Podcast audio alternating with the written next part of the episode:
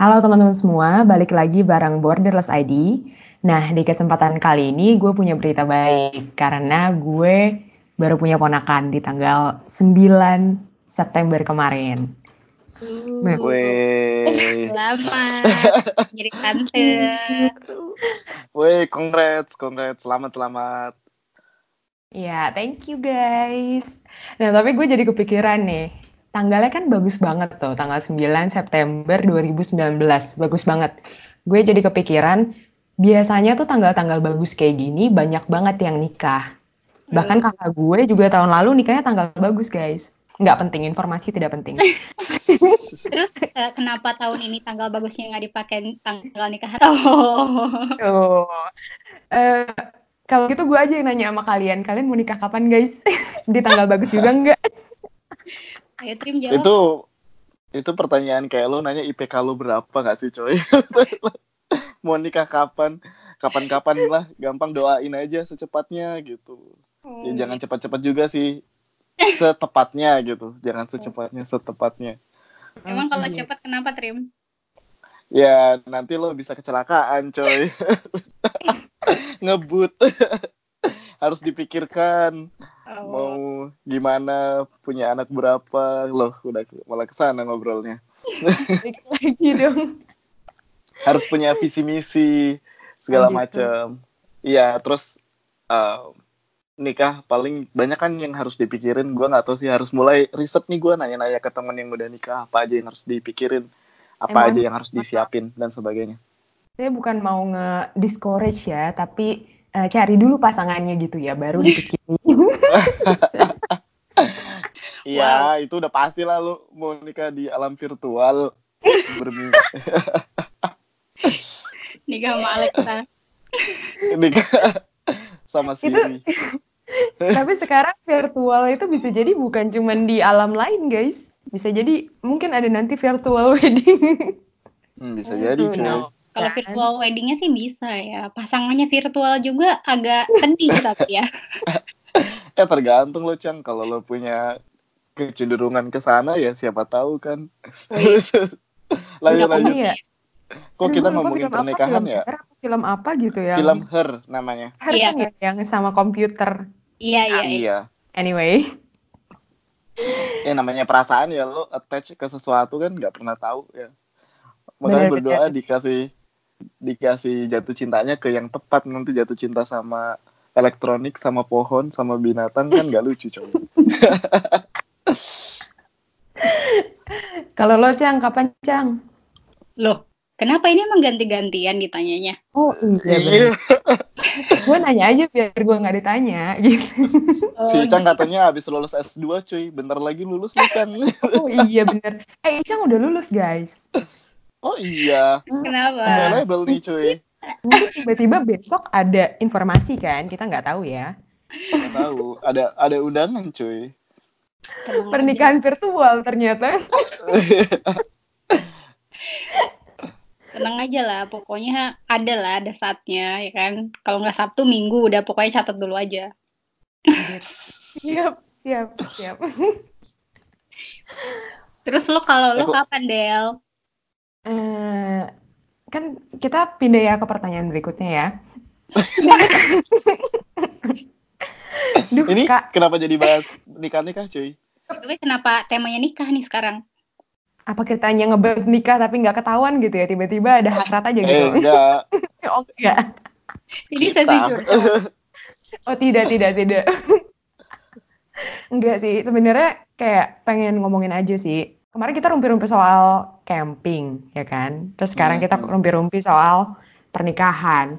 Gue sempet baca nih, kalau ternyata di pernikahannya Meghan Markle sama Pangeran Harry kemarin, mereka tuh sort of bikin yang agak-agak sustainable gitu. Katanya kemarin mereka bikin semacam donation buat pollution. Nah, terus habis itu si Princess Eugene hmm juga bikin plastic free wedding. Mm. Nah, gue jadi penasaran nih, kayaknya tren-tren masa kini itu udah mulai ke arah sustainable wedding. Kalau misalnya di area-area Europe atau di di US tuh udah banyak yang kayak begini-begini gitu loh. Hmm. Kira-kira kalau misalnya lo nikah gitu ya, lo kepikiran gak sih pengen konsep yang kayak gimana? Apa pengen kayak sustainable wedding juga? Atau pengen kayak, udahlah nggak usah nikah aja. Menarik pertanyaannya.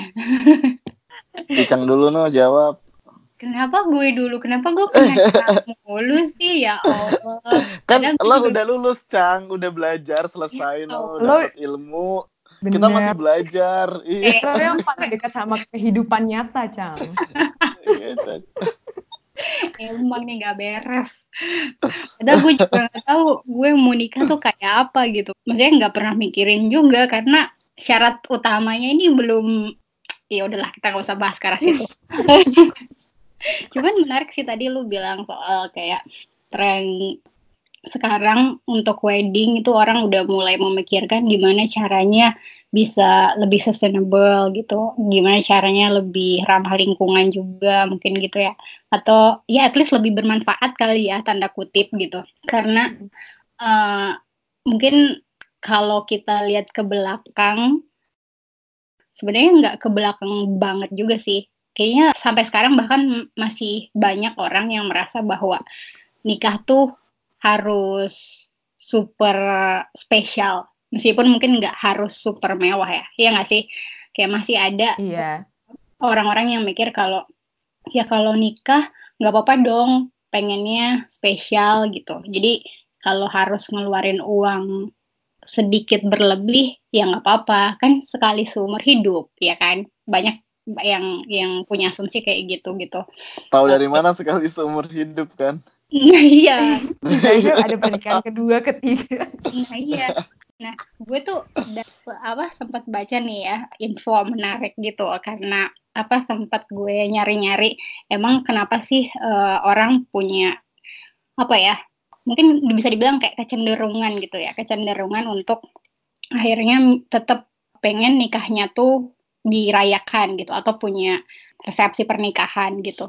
Ya Hmm. selain dari mungkin lebih ke kebiasaan aja kali ya kayak lebih kayak lo nggak ngerasa nikah kalau nggak punya resepsi gitu terus ada juga yang Hmm. bilang ya bikin lega hati orang tua aja soalnya kadang nikah tuh maksudnya bukan keinginan pasangannya tapi ya keluarga Menikahnya iya, pestanya, Cang. yes yes yes maksudnya Iya. pestanya pestanya tuh Menikahnya bukan keinginan keluarga.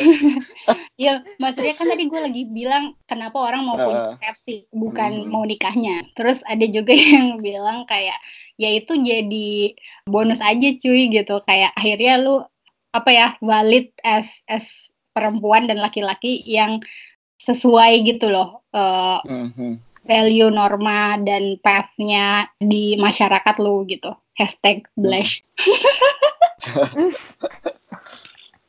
Iya, terus kayak ada, tapi ada yang lucu juga kayak gue baca beberapa artikel gitu kan, keuntungannya ya lo juga dapet ampau, amplop gitu-gitu lah ya, kayak iya iya iya, Iya, itu balik modal tanda kutip gitu lah ya. Padahal juga nggak balik modal. iya padahal mungkin ya nombok gitu, nggak tahu juga lah. Terus ada juga yang lucu deh, satu yang bilang apa keuntungannya bikin mantan menyesal. Iya, anjir baru baru denger gua begituan. Tapi kalau Serem juga yang nggak punya mantan, cuy. Iya, cuman iya, pada akhirnya pas gue cek-cek lagi gitu ya emang ya ya itu kan beberapa motif kenapa akhirnya orang pingin punya pernikahan yang yang spesial lah meskipun gak mewah mungkin kalau orang yang Hmm. punya kemampuan finansial lebih akhirnya makanya pernikahannya bisa dibilang mewah gitu. Tapi Hmm. ad- terus ada penelitian gitu cuy. Eh, bilang bahwa ini yang meneliti namanya Andrew Francis and Hugo hmm, Hugo Mialan ini penelitiannya menarik eh, karena gini loh dia bilang oh ya penelitiannya tahun 2014 Eh, dan dia ngambil responden lebih dari 3.000 pasangan dia bilang ada Hmm. korelasi antara biaya pernikahan dengan angka perceraian Oh ya. oke. Oh my God. dengerin dulu makin mahal makin tinggi resiko cerai wow Aha. terus dia bilang gini Uh, pernikahan yang memakan biaya lebih dari 20.000 USD akan memiliki resiko bercerai 1,6 kali dari pasangan dengan biaya pernikahan antara 5.000 sampai 10.000. Dan resiko itu semakin rendah pada pasangan dengan biaya yang kurang dari 1.000 USD. Terus pasangan Anjir, yang kurang dari 1000 USD. kurang dari 1000 USD tuh kira-kira doang. 10 juta, eh, 15 juta. Iya. Enggak cuy, lo, lo, lo nikahan potluck, tua, ajak kan? orang-orang buat bawa makanan Iya. sendiri. Exactly, iya, iya. Terus dia bilang pasangan yang menikah kurang dari 1000 USD memiliki penurunan resiko stres hingga 82 sampai 93 persen dibanding yang 5000 sampai 10000. Hmm. Jadi kayak lucu aja Mhm. gitu. Eh gue nggak tahu sih itu seberapa valid kalau di maksudnya di case Indonesia doang ya. Cuman Hmm. ya menarik aja ada orang yang bikin penelitian kayak gitu dan hasilnya ternyata ya ya kayak gitu gitu. Semakin lo mengeluarkan uang banyak, malah resiko cerainya semakin tinggi. Eh, nggak tahu sih kayak itu korelasinya ke stres atau apa gue nggak tahu deh. Coba apa ya? Gua, apa alasannya? Ada ada penjelasan alasannya nggak di penelitian dia itu? Karena gue nggak nemu paper lengkapnya tapi kayaknya dia ngelihat dari resiko stresnya itu sih makanya dia dia dia nulis kan kayak memiliki eh, apa penurunan resiko stres yang yang Hmm. eh, cukup signifikan kalau dia ngeluarin apa budget pernikahannya kecil gitu dan mungkin Hmm. lebih ke kayak ini juga kali ya kalau lu dealing dengan hutang segala macam kan jadi sensitif ya hubungan lo dengan pasangan ya nggak sih Iya Oh benar. iya iya juga benar juga. Mungkin, mungkin. Who knows? Belum ada yang nikah di sini. yang denger nanti komentar ya. Sama bisa jadi kalau misalnya wedding lo tuh gede gitu ya, terus kayak lo harus punya hubungan sama banyak vendor, kan pusing juga ya. Emang sih kayaknya kalau misalnya punya banyak vendor kan jadi lebih gampang, kayak mereka yang ngatur segala macamnya. Tapi kan berhubungan sama banyak orang juga bikin pusing jadi ya mungkin salah satu efek juga kali ya. Tapi bener sih kayak banyak juga orang-orang yang mungkin karena untuk bikin satu hari yang spesial itu, kalau kata nyokap gue menikah itu salah satu hari terbaik dalam hidup kayak gitu lah. Iya. Jadi kayak orang tuh bela-belain gitu loh, kayak oke lah eh, mungkin harus minjem ke siapa dulu misalnya kayak gitu. Ya Iya. make sense juga sih. Menarik banget dia nge-relate sama eh, pengeluaran pengeluaran biaya pernikahan itu dia gimana ya eh, surveinya apa nanya-nanyain couple-couple gitu apa gimana. Tapi ya gue assuming orang-orang yang nikahnya di bawah berapa? 10.000 ribu USD. Seribu coy. Di bawah Ibu, seribu. Betul, betul. Menurut gue sih yang seribu ini kayaknya dia cuman kayak administrasi, terus dia mungkin makan malam. Tapi kan maksudnya di, di budaya luar eh, itu hal yang cukup common ya. Maksudnya kalau di Indonesia kan beda cerita tuh. Di US misalnya ngundang 120 orang udah kehitung pernikahan yang besar. Di Indo Hmm. 120 kayak ya udah itu keluarga utama aja udah lebih dari Udah 120. timbal Udah ya. segitu. Kayak Iya. kalau pernikahan 120 orang tuh ya teman-teman dari yang nikahnya tuh paling cuma 20 orang kayaknya. Iya, makanya kan. 100-nya dibagi buat keluarga wanita dan keluarga laki-laki. Oke, kalau menurut lo gimana ya? Lo pengen konsep yang kayak gimana gitu yang ada di pikiran lo? Eh gue sih sebenarnya pengen ya nggak usah rame-rame lah, biasa-biasa aja segala macam.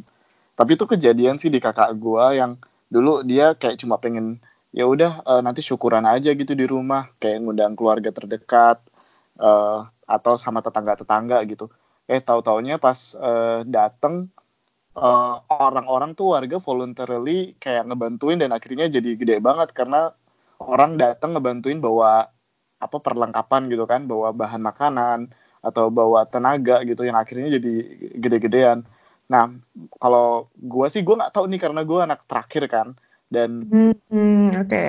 ah tapi tergantung nanti coy nikahnya sama siapa kalau gua nikahnya sama misalnya ini nih pihak perempuannya dia yang ternyata secara kultur nyelenggarain pernikahan ya itu agak susah juga buat kompromis soal biaya itu karena bisa jadi mereka yang ngeluarin uang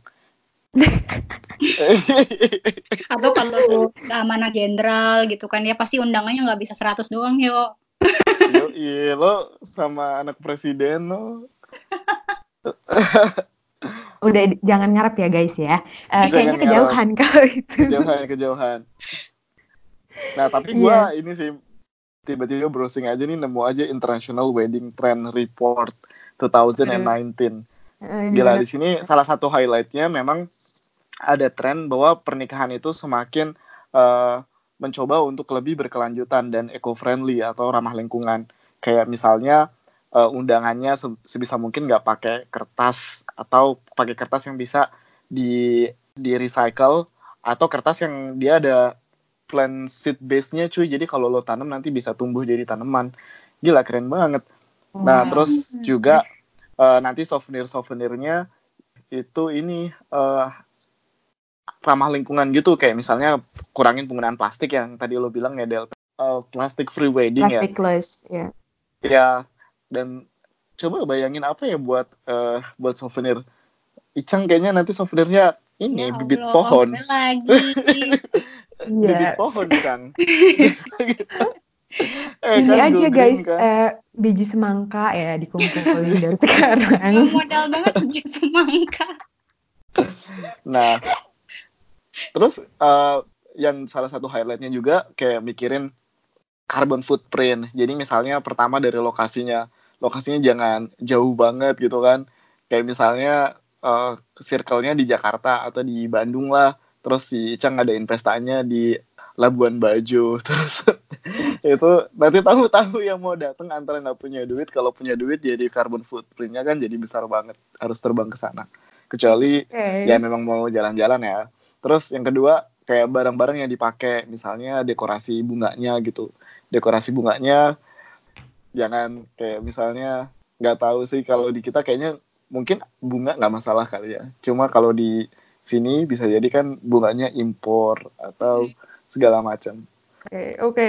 Apa namanya? Udah kesebut juga kan ya kayak lokasinya, pertimbangan lokasi lah. Ya. Udah kelihatan ya kayak wedding tuh ada banyak banget. Ada yang tradisional, ada yang internasional, ada yang apa namanya virtual juga mungkin. Gue juga nggak tahu ada wedding apa lagi. pakai pakai webinar cuy. Iya, Ya sebenarnya tapi tapi gue jadi penasaran emang emang kalau misalnya kita punya banyak banget kategori wedding ini, wedding tuh apaan sih guys? Pernikahan itu apa sih? Waduh, itu pertanyaannya salah deh kayaknya. Oh gitu. Itu jangan jangan Kita jawabnya gimana yuk? Eh, itu sebuah aktivitas yang akan dimaknai dan memiliki makna yang sangat berharga coy. Dan dan harus dirayakan. Menurut gue sih poinnya adalah perayaan ya selebrasi. Nah Ya. sebisa mungkin selebrasinya itu yang nggak bikin nyesel terus eh, dipertimbangkan dengan baik ya. Hmm. gue gue nggak tahu sih ya. Kalau gue sih faktor mikirnya harus financially wise ya. Jadi nggak boros menurut gue sih pertimbangan keuangan itu jadi faktor ya apalagi kalau misalnya kita mikirnya nanti daripada dihambur-hamburin buat nikah nih kalau uh, kalau gue ya buat kelas ekonomi seperti gue gue mikirin nih mendingan nyiapin tabungan buat beli tanah beli rumah atau simply buat jalan-jalan honeymoonnya aja daripada buat ini egois ya Pak. Enggak kok, eh Enggak ya? itu apa namanya visioner menurut gue. Iya. Dan Visioner ya. ternyata eh ternyata trennya tuh ya di International Wedding Report itu juga dia bilang kalau orang-orang masa kini itu mereka lebih memilih invest di honeymoonnya mereka ketimbang ngeluarin banyak uang di pernikahan. Hmm. Jadi Hmm. kayak daripada bikin yang terlalu lavish atau yang terlalu mewah banget gitu ya. Mendingan ya udah honeymoonnya aja yang dibikin sampai tiga minggu. Buset lama juga tuh. Gimana cutinya juga gue nggak ngerti ya. tapi, tapi Tapi- bentar ya balik tapi- lagi. Secara Balik lagi. filosofis itu Mhm. pro kontra cuy karena lo kan kalau ngabisin biaya yang cukup dan akhirnya bikin perayaan yang bagus nanti kan lo istilahnya ikut membahagiakan tamu-tamu lo nih keluarga besar lo teman-teman lo yang datang mungkin mantan lo jadi iri segala macem itu kan istilahnya banyak Eh, orang tuh yang nih. makan Mohon maaf nih, Istilahnya- emangnya mantan kalau diundang bakalan datang. Saya dengar Eh. dengar rumornya kalau mantan diundang tidak datang guys. Eh, ya intinya kan lo berbagi kebahagiaan dengan banyak kepala nih dengan banyak perut nah sedangkan kalau lo honeymoon cuma berdua doang tapi nggak tahu deh mana yang lebih sustainable buat pernikahan cuy iya, iya. karena karena sebenarnya karena teorinya kalau lo ngundang banyak orang kan jadi istilahnya oh banyak orang tahu nih awas lo sampai ngajak gua cerai ya. Ini orang udah banyak yang datang. Nanti banyak yang ngedoain ya nggak kayak gitu. Mungkin kayaknya risetnya harus di Asia deh itu atau harus di Iya. Indonesia lah. iya. Siapa tahu faktor pengeluaran yang semakin tinggi semakin menurunkan resiko buat perceraian cuy. Iya, Bentar. Sponsor guys, pariwara, pariwara. Hmm. Ya, gue iseng nih, em, gue nyari di KBBI apa sih pernikahan. Jadi sebenarnya kalau misalnya dipikir-pikir lagi secara definisi, kan sebenarnya yang di-highlight adalah upacara. Kalau misalnya yang kita pandang sebagai upacara adalah sesuatu yang disahkan secara agama, which is Hmm. nikah itu artinya adalah sebuah ikatan perkawinan yang dilakukan sesuai dengan ketentuan hukum dan ajaran agama. itu akad sih dan pernikahan dan berkeluarga kan memang apa namanya inovasi dari institusi agama cuy kalau nggak perlu agama kayaknya nggak perlu secara resmi lah tinggal bareng aja ya nggak sih.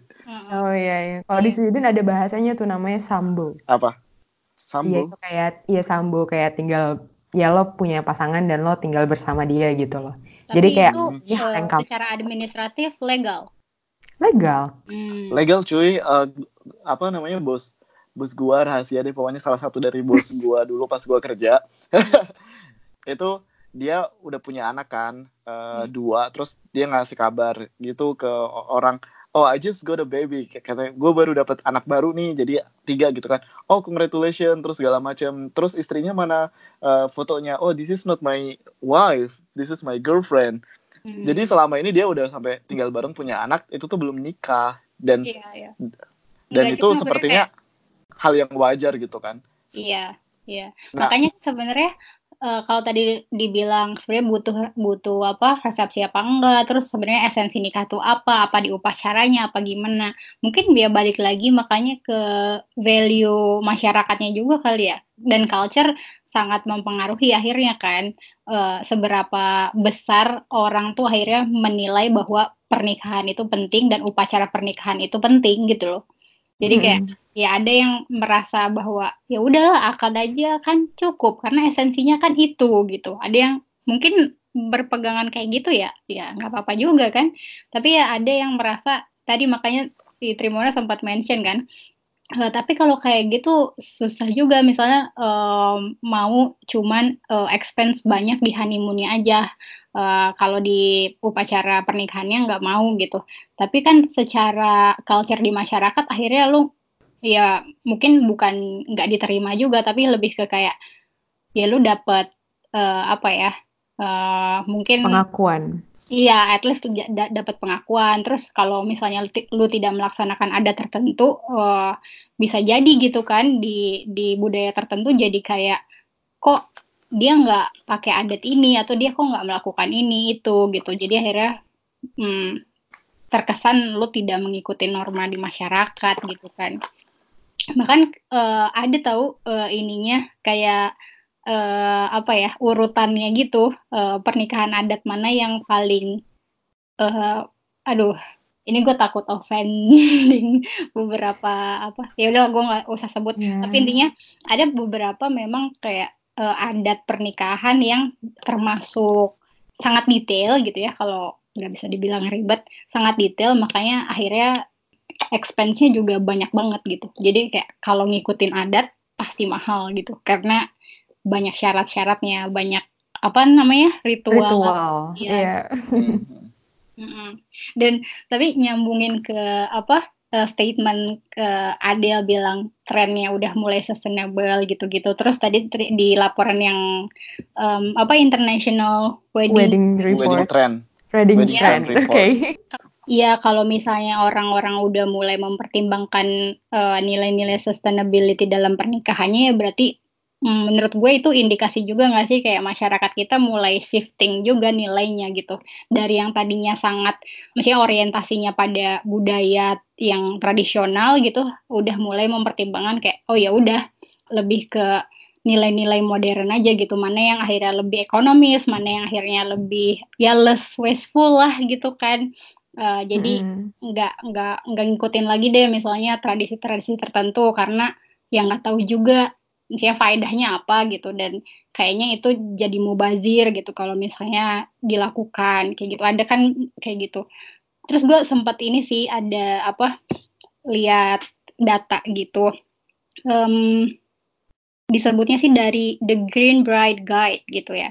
Dia bilang hmm. average wedding tuh biasanya produce at, at least 400 pounds uh, sampah dan 63 ton karbon dioksida Uh, dan kalau estimasi wedding per tahun itu misalnya ada 2,5 juta, itu berarti setara dengan satu miliar pounds sampah dan hmm.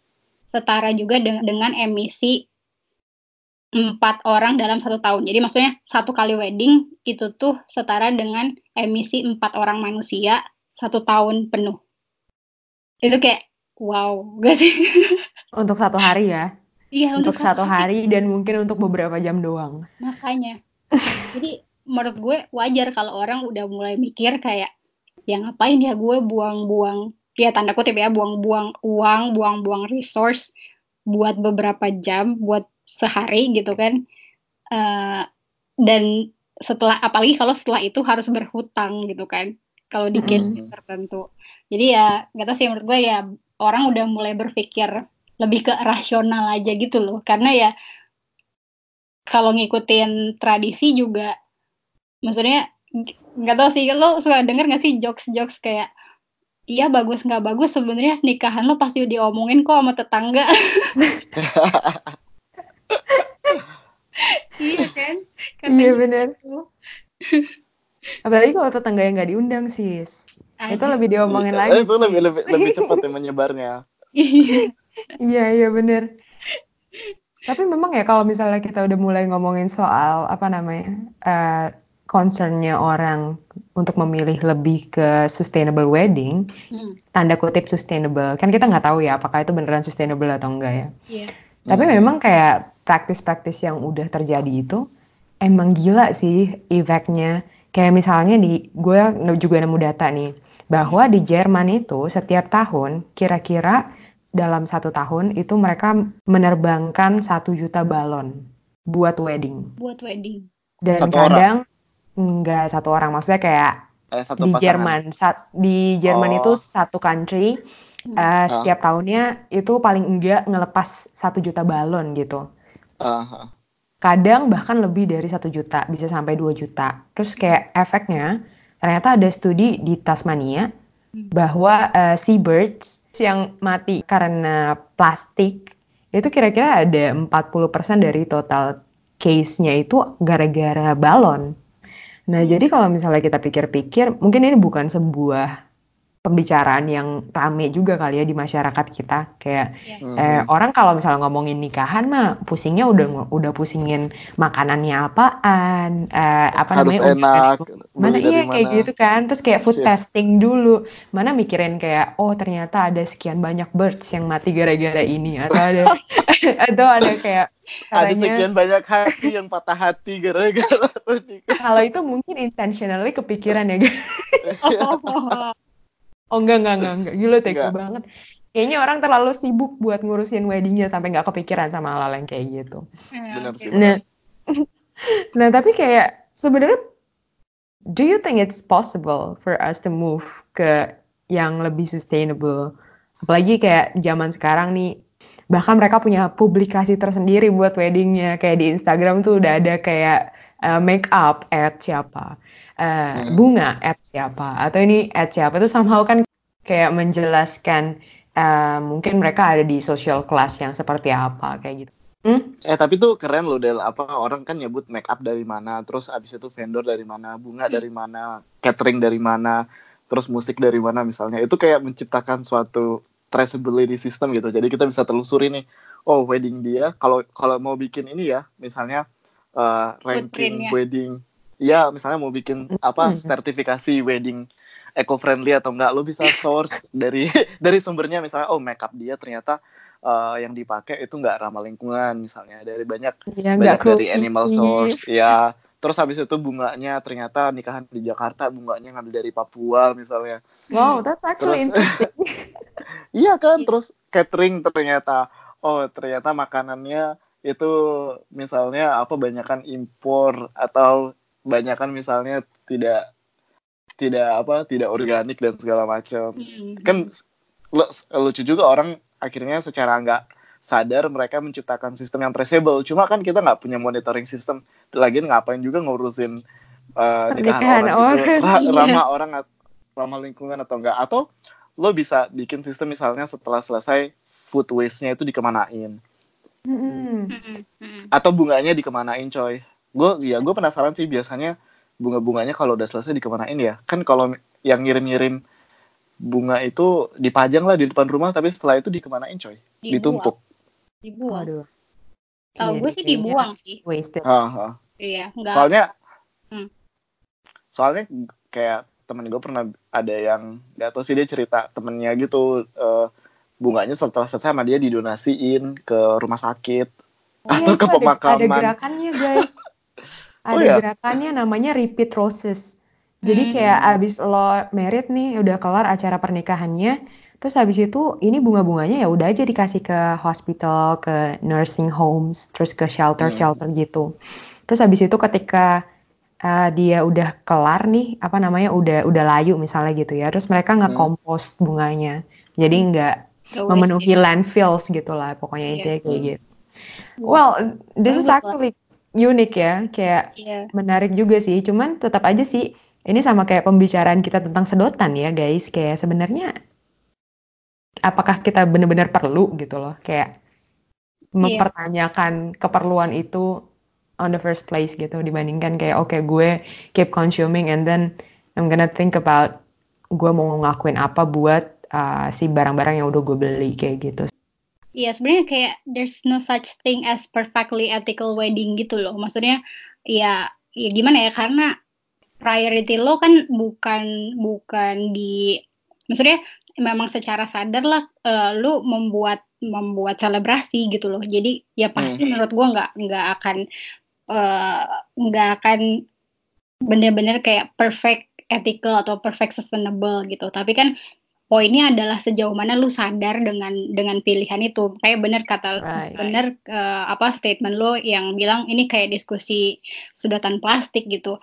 Eh, sebenarnya kan masalahnya lu mau pakai sedotan plastik kayak mau pakai sed- sedotan stainless kayak mau nggak pakai sedotan eh, asal lu sebenarnya tahu gitu di balik pilihan lu itu eh, kenapa lu melakukan itu gitu kan dan sejauh mana lu berusaha untuk akhirnya ya minimize konsumsi lo, minimize em, apa namanya carbon, carbon footprint iya carbon footprint lo gitu kan.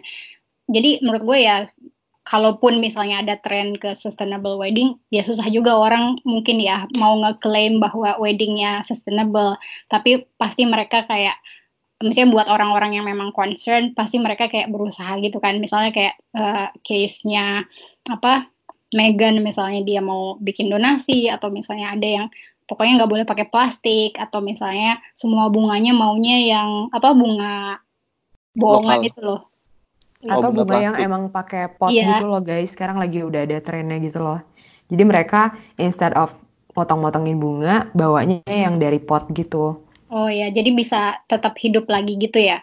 Iya. Iya, tapi kayak kalau balik ke pertanyaan lo, apakah ini maksudnya memungkinkan atau enggak? Hah, kalau dibilang trennya ke arah situ, gue sih sebenarnya termasuk orang yang merasa ya arahnya memang ke sana, tapi seberapa cepat itu sih yang gue nggak tahu gitu. Karena kalau lihat nih ada surveinya juga dari Bright Story tahun 2017, nah, itu dia bilang kalau 5,7 persen dari pasangan yang yang akhirnya menikah gitu mengeluarkan biaya lebih rendah dari budget. Jadi cuma 5 sekian persen tuh yang berhasil ngeluarin biaya eh, lebih rendah dari budget. Sementara 43,5 persennya tuh mengeluarkan biaya lebih banyak dari yang direncanakan gitu. Jadi maksud gue Hmm. Ya. Meskipun kayak pasangannya intentionally bilang, oke gue maunya yang super simple, ya yang sederhana aja, semuanya kayak maunya sustainable apa lalalali, ya eh, ya at the end kan gak, gak pernah tahu gitu sepanjang apa planning dan nikahnya itu gimana gitu kan. Terus belum lagi meskipun kita intentionally bilang, oke okay, gue maunya yang ramah lingkungan gitu susah juga klaimnya sebenarnya itu lebih sustainable apa enggak kan jangan-jangan misalnya karena lo maunya bahan yang misalnya ya cruelty free gitu terus jadi lebih susah gitu carinya jadi lebih jauh hmm. Ya who knows kan gitu. Jadi kayak ya susah sih ya bikin yang saya perfectly sustainable gitu. Cuman kalau trennya uh -huh. karena kayaknya sih iya sih menurut gue. Oke. Okay gue sempat baca juga deh waktu itu tahun berapa ya gue lupa. Kalau nggak salah masih tahun 2018 gitu. Hmm. jadi di Cina itu ada sebuah provinsi yang bikin kayak sebuah studi lah tentang berapa banyak sih uang yang dikeluarkan sama si laki-laki di provinsi tersebut buat menikah gitu. Okay. Nah ternyata kayak kayak satu dekade lah kira-kira ya. Mungkin kalau sekarang udah lebih dari satu dekade hitungannya. Tapi satu dekade yang lalu hmm. itu tuh mereka ngeluarin biayanya tuh sekitar kayak cuman 4 juta sampai 6 juta rupiah. Hmm. Itu kayak di tahun 2000-an. Eh terus habis itu di satu dekade kemudian uh, pernikahannya itu meningkatnya itu 100 kali lipat jadi 200 juta sampai uh, bahkan sampai 600 juta bahkan sampai hmm. satu miliar atau lebih kayak gitu.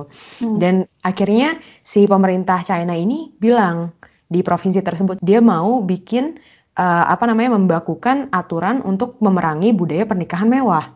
Jadi kayak sort of pemerintahnya mau bikin peraturan baru uh, dengan alasan pernikahan-pernikahan mewah itu biasanya bisa bertentangan sama nilai-nilai sosialis. Terus habis itu hmm. uh, mencerminkan penurunan penurunan moralitas. Oke. Okay. Terus habis itu moralitas. Moralitas loh. Terus habis itu persaingannya sudah tidak terkontrol. Gua nggak tahu persaingan apaan. Oh my Habis god. Oke, okay, lanjut dulu. Itu gua, gua mungkin kebayang mahar. Hmm. Mm -hmm. Abis itu ini juga masalahnya tentang hutang sih, kayak utang piutang. Jadi supaya nggak banyak hutang besar di di tingkat uh, household. Yeah. Sama yang terakhir, ini adalah ritual perpeloncoan mempelai yang makin ekstrim dan mulai menyeret korban jiwa ini sangat menarik ya. gue nggak kebayang anjir. Iya iya. Eh gue motong dikit, motong dikit. Iya oke. Okay. Um, apa tadi kan lo bilang uh, persaingan ya. Jadi ada beneran namanya competitive wedding syndrome, cuy. Jadi wow. orang tuh ketika nikah memang secara misalnya secara natural kalau di setting uh, masyarakat tertentu gitu ya akan compete emang gitu. Ya uh -huh. kayak ya kalau tetangga lo nikah misalnya ngundang uh, Kahitna gitu kan kok Kahitna sih Gak apa-apa alumni UI terus catet gitu. catet uh, Icang nih dari Kahitna iya jadi lo kayak ke ke kepancing gitu kali ya kayak oke okay, gue juga harus ngundang artis nih gitu. Kayak gitu sih kayak. Siti Badriah.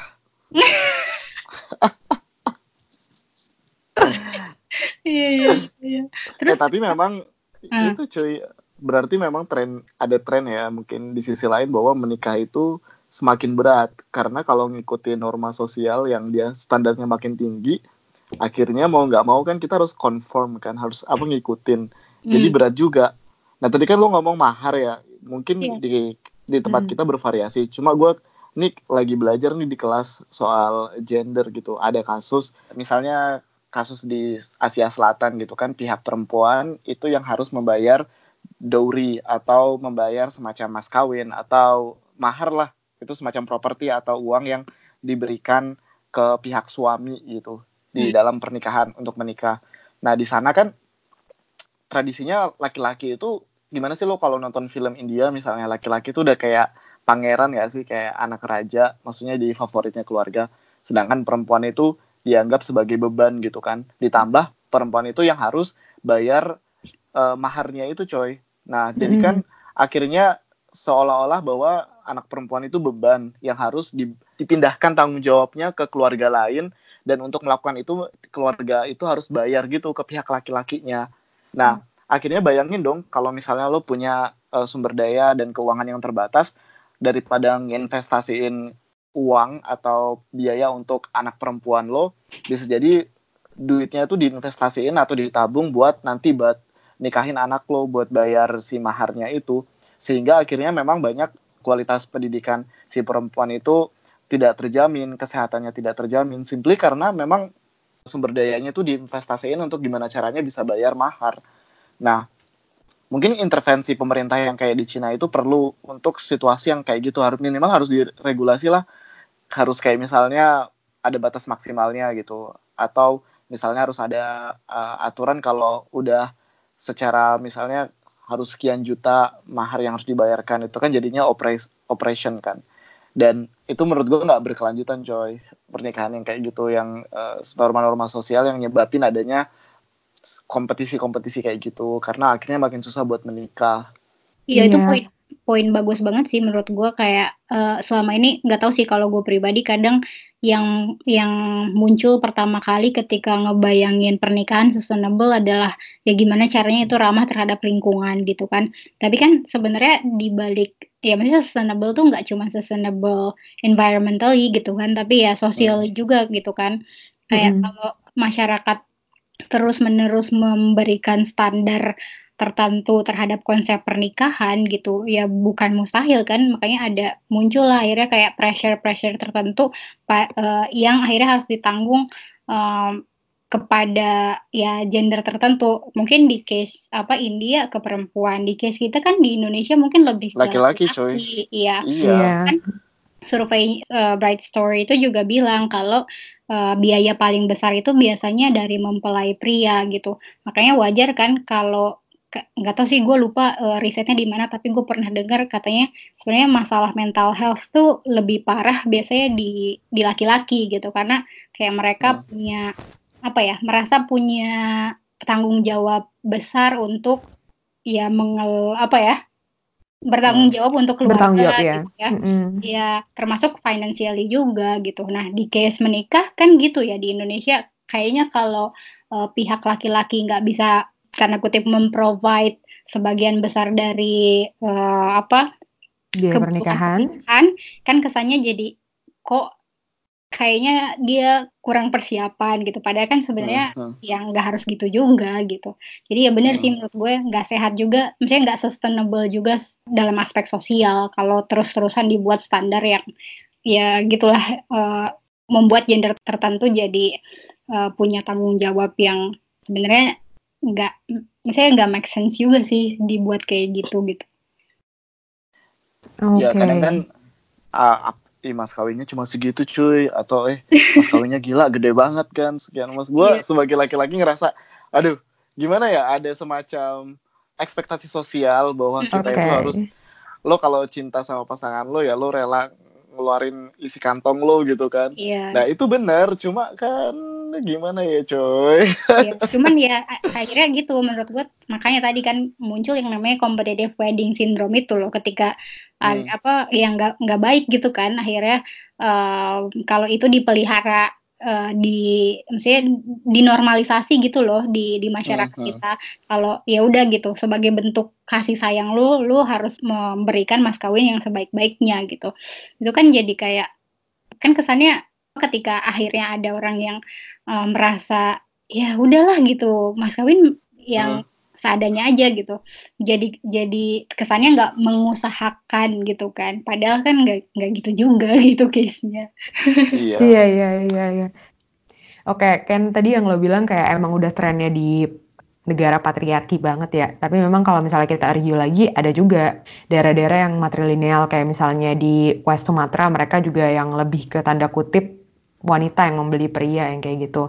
Tapi ini jadi menarik karena um, ternyata di tengah dilema antara mempertahankan culture atau tradisi sama dampak-dampaknya yang cenderung negatif kayak misalnya ternyata weddingnya tadi yang lo bilang tradisinya bilangnya A terus dia harus ngeluarin uang banyak gara-gara tradisi A tersebut akhirnya malah setelah menikah malah karena dianggap laki-lakinya tidak bisa memenuhi apa yang harusnya dia penuhi secara tradisi malah laki-lakinya jadi cenderung diremehkan misalnya setelah menikah atau ada ada respon-respon negatif lain yang bisa terjadi. Tapi ini menarik tadi Trimono juga udah ngangkat tentang oke okay, uh, perlu ada regulasi mungkin kalau misalnya memang diperlukan kita nggak tahu ya apakah memang perlu ada regulasi tentang pernikahan ini atau enggak tapi mungkin kalau misalnya udah sampai ke tahap uh, penyelewangan hak asasi manusia mungkin memang harus ada regulasinya kali ya guys ya. Karena kita udah ngomongin panjang lebar banget tentang pernikahan ini, uh, mungkin yang bisa gue tarik dari percakapan kita kali ini adalah ya udah ketika kita menikah mungkin kita harus lebih berpikir secara lebih bijak, terus kita juga harus berpikir secara lebih bertanggung jawab sama apa yang kita pilih dan sebenarnya apa sih dampak dari yang kita pilih. Kayak misalnya, oke okay, kalau misal lokasi mungkin yang lebih lokal, kayak nggak perlu banyak-banyak apa ya transportasi yang dibutuhin gitu atau kayak menerbangkan satu keluarga dengan private jet ke Syahrini kali. eh Eh? It's. ya. Ntar ada kayak... fansnya ngamuk. Oh, oh iya. iya, mohon maaf Don't guys. get us cancelled. Iya, harus kayak uh, think locally, terus habis itu mungkin lebih ke wasteless. Sekarang udah ada apa sih namanya kayak network yang memang mereka bisa dihubungi kalau misalnya wedding udah kelar gitu loh kayak sisa sama makanannya bisa mereka jemput itu juga ada gue tapi lupa namanya apa mungkin nanti uh, netizen kita ada yang tahu namanya apa terus hmm. habis itu kayak riset lagi buat nikahannya sendiri. Oh. Kebetulan di timeline saya banyak banget kak orang yang nikah kak. Jadi uh, kak, kayak ingin hati nge-skip gitu ya tapi nggak sampai hati juga aduh pengen tahu. Kepo. Emang ya kepo. Atau kayak invitationnya mungkin ya udah online aja gitu ya. Dan kita mungkin mem perlu mempertanyakan lagi apakah memang benar pernikahan yang mewah pernikahan yang membutuhkan banyak uang benar-benar equal sama happiness hmm, yeah. kayak that's gue gue nggak tahu ya mungkin kayak that's a big question buat gue sendiri dari tadi kayak sebenarnya emang apakah memang benar uh, bahwa kebahagiaan itu setara dengan jumlah uang yang kita keluarkan. Padahal kayak tadi kayak riset yang Icang bilang ternyata orang-orang yang mengeluarkan uang sedikit justru lebih less stress kayak gitu kan. Tapi kalau misalnya kita bawa ke konteks happiness akan seperti apa? Kayak gitu. Tapi ini kayak another big discussion menurut iya. gue. Benar-benar. Dan ya, dan kita udah ngomong lama banget, kita udah ngobrol panjang lebar soal ini. Hmm. Jadi takeaway-nya gimana nih sebelum menikah pilih konsep pasangan yang, yang bijak dan pasangan nah. yang bijak. Iya bener udah nih. klasik ngomongin pasangan-pasangan mulu. Oh, Lo dulu kan Cang udah udah santai-santai santai jangan marah bro. Kok Tribono gak nyantai sih? Ini Tribono gak nyantai soal pasangan gini deh udah udah tutup dulu coy iya nih kayaknya udah udah cukup ya semoga kita sama-sama bisa mengetahui apakah itu pesta pernikahan yang ideal untuk masing-masing. Silakan untuk masing-masing pribadi. Silakan direfleksikan dengan diri sendiri dan pasangannya. Yang belum ada ya udah. Jadi nggak apa-apa cang. Jangan ya udah. usaha cang. Oh, ya udah mari berusaha. Kita sudahi supaya kita masing-masing bisa berusaha ya. Oh gitu. Oke. Okay. sekian dulu dari Borderless ID uh, sampai ketemu di podcast kita yang berikutnya. Dan kita juga penasaran sebenarnya menurut kalian apa sih wedding yang sustainable itu